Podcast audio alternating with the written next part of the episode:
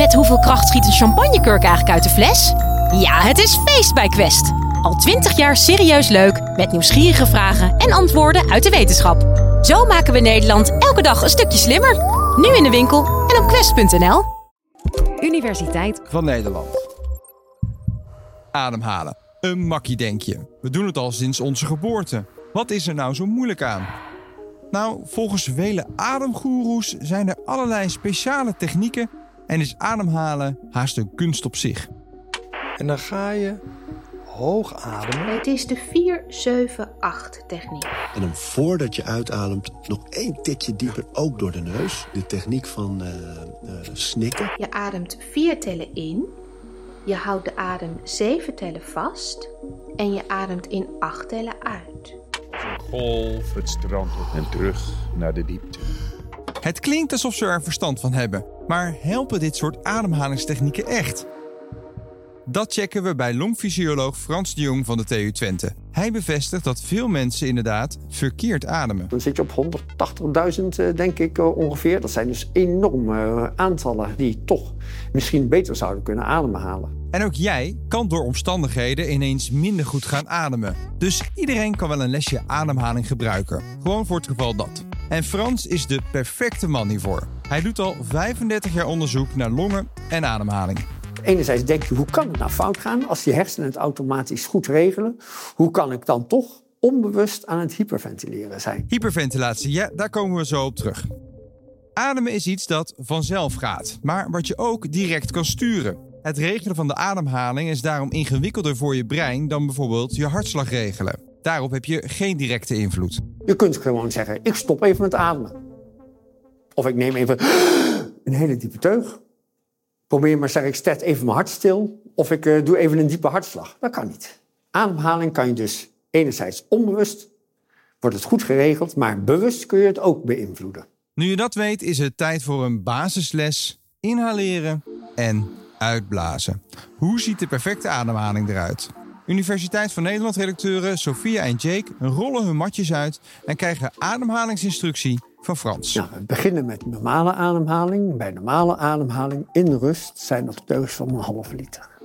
En inademing natuurlijk altijd normaal door de neus voor de filtering, de bevochtiging en de verwarming.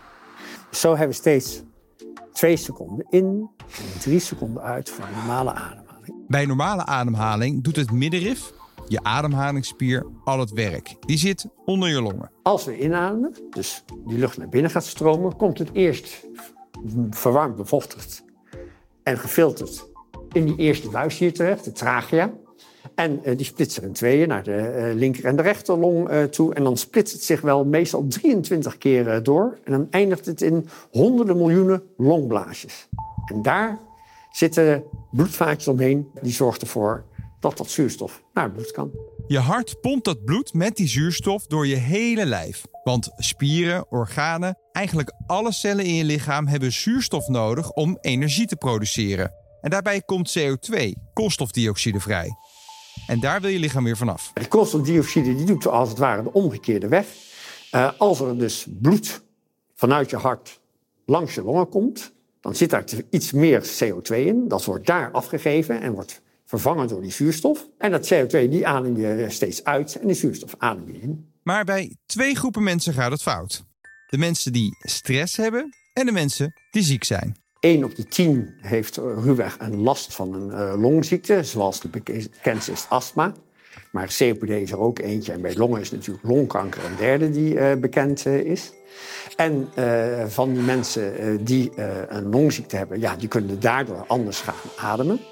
Los daarvan zijn er ook mensen die bijvoorbeeld omdat ze gestrest of gespannen zijn, drukke werkdagen, hard werken, dan kun je te veel gaan ademen zonder dat je er bewust van bent. En uh, dat zijn vaak hyperventilatie-gerelateerde klachten. Die term ken je vast, maar wat is hyperventileren precies? Terug naar de cursus waar Jake en Sophia het zelf gaan ervaren. Nou, wat is hyperventileren? Of de snelle teug, of de diepe teug, of allebei. Dus dan gaan we echt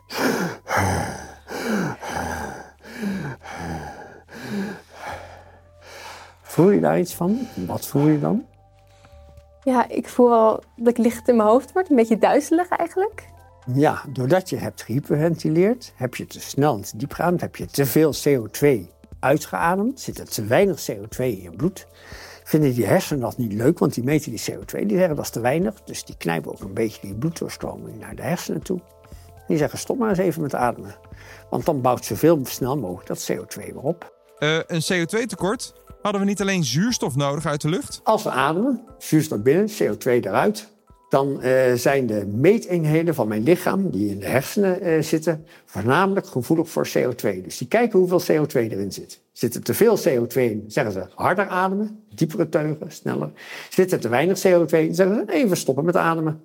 Uh, dan bouwt vanzelf het CO2 weer op. Want zuurstof en CO2 moeten in jouw lichaam met elkaar in evenwicht zijn. Bij hyperventileren is die balans weg. Als je extreem hyperventileert, dus je, en je doet dat minutenlang, dan is het zelfs zo dat je lichaam jou laat flauwvallen. Je hersenen die meten dat. Te veel te weinig CO2, die laten je flauwvallen. Ja, dan gaat het vol op de volautomaat, want dan is het net alsof je in een soort diepe slaap uh, zit. En dan neemt het lichaam die centrale meting helemaal over en dan ga je vanzelf heel rustig ademen. En tegenwoordig zeggen we dus ook dat als mensen denken, ik word duizelig, het zou hyperventilatie kunnen zijn. Zet ze op een uh, stoel neer, uh, handen op de knieën voorover gebogen. Desnoods leg je ze plat op de grond, dat ze niet meer kunnen vallen. Want als ze dan het bewustzijn verliezen, maken ze geen klap met hun hoofd op de vloer. Veel mensen hebben alleen niet door dat ze hyperventileren. Want zo heftig als dit is het vaak niet. Hoe herken je hyperventilatie bij jezelf? Als je dus meestal door stress iets hyperventileert. Het is net als een klein beetje verhoogde hartslag, een klein beetje te snel of een klein beetje te diepe ademhaling. Maar als je iedere keer een klein beetje te veel CO2 afblaast, ja, binnen een aantal minuten is het echt zoveel geworden dat je klachten krijgt. En als eerste klachten van kortademigheid, duizeligheid, uh, eventueel uh, tintelingen in de vingers. Uh, soms ook een waas voor de ogen, gespannenheid, alsof er een band om je borstkas heen zit. Er zijn heel veel klachten. En als je niets doet aan die stress, gaan ook je organen, zoals je lever of je nieren, minder presteren. Terug naar de ademhalingsles, waar een flinke teug wordt genomen. En dan is de inademing is dus eigenlijk dan 4 seconden en de uitademing 6 seconden. Als je één of twee momenten per dag de tijd neemt om bewust te ademen, kan het stress verminderen. Als het puur komt doordat jij te veel ademt omdat jij te gestrest bent, leer je rust te pakken. En als je dat heel goed kan, dan gaat jouw lichaam, als het goed is, helemaal weer zelf op naar het juiste adempatroon. Rustige ademhaling, iets minder diepe ademhaling. Krijg ook een rustige hartslag van gaan ook allerlei andere systemen beter uh, werken in je lichaam. En dan heb je al die ademgoeroes met hun technieken. De techniek van uh, uh, snikken. Niet per se nodig. Je rust pakken is voldoende. Dankjewel Frans. Vond je het een interessante aflevering en zou je de Universiteit van Nederland een keer live willen zien? Dat kan. We komen langs heel veel theaters in Nederland. Een linkje met meer informatie staat in de beschrijving. Tot de volgende!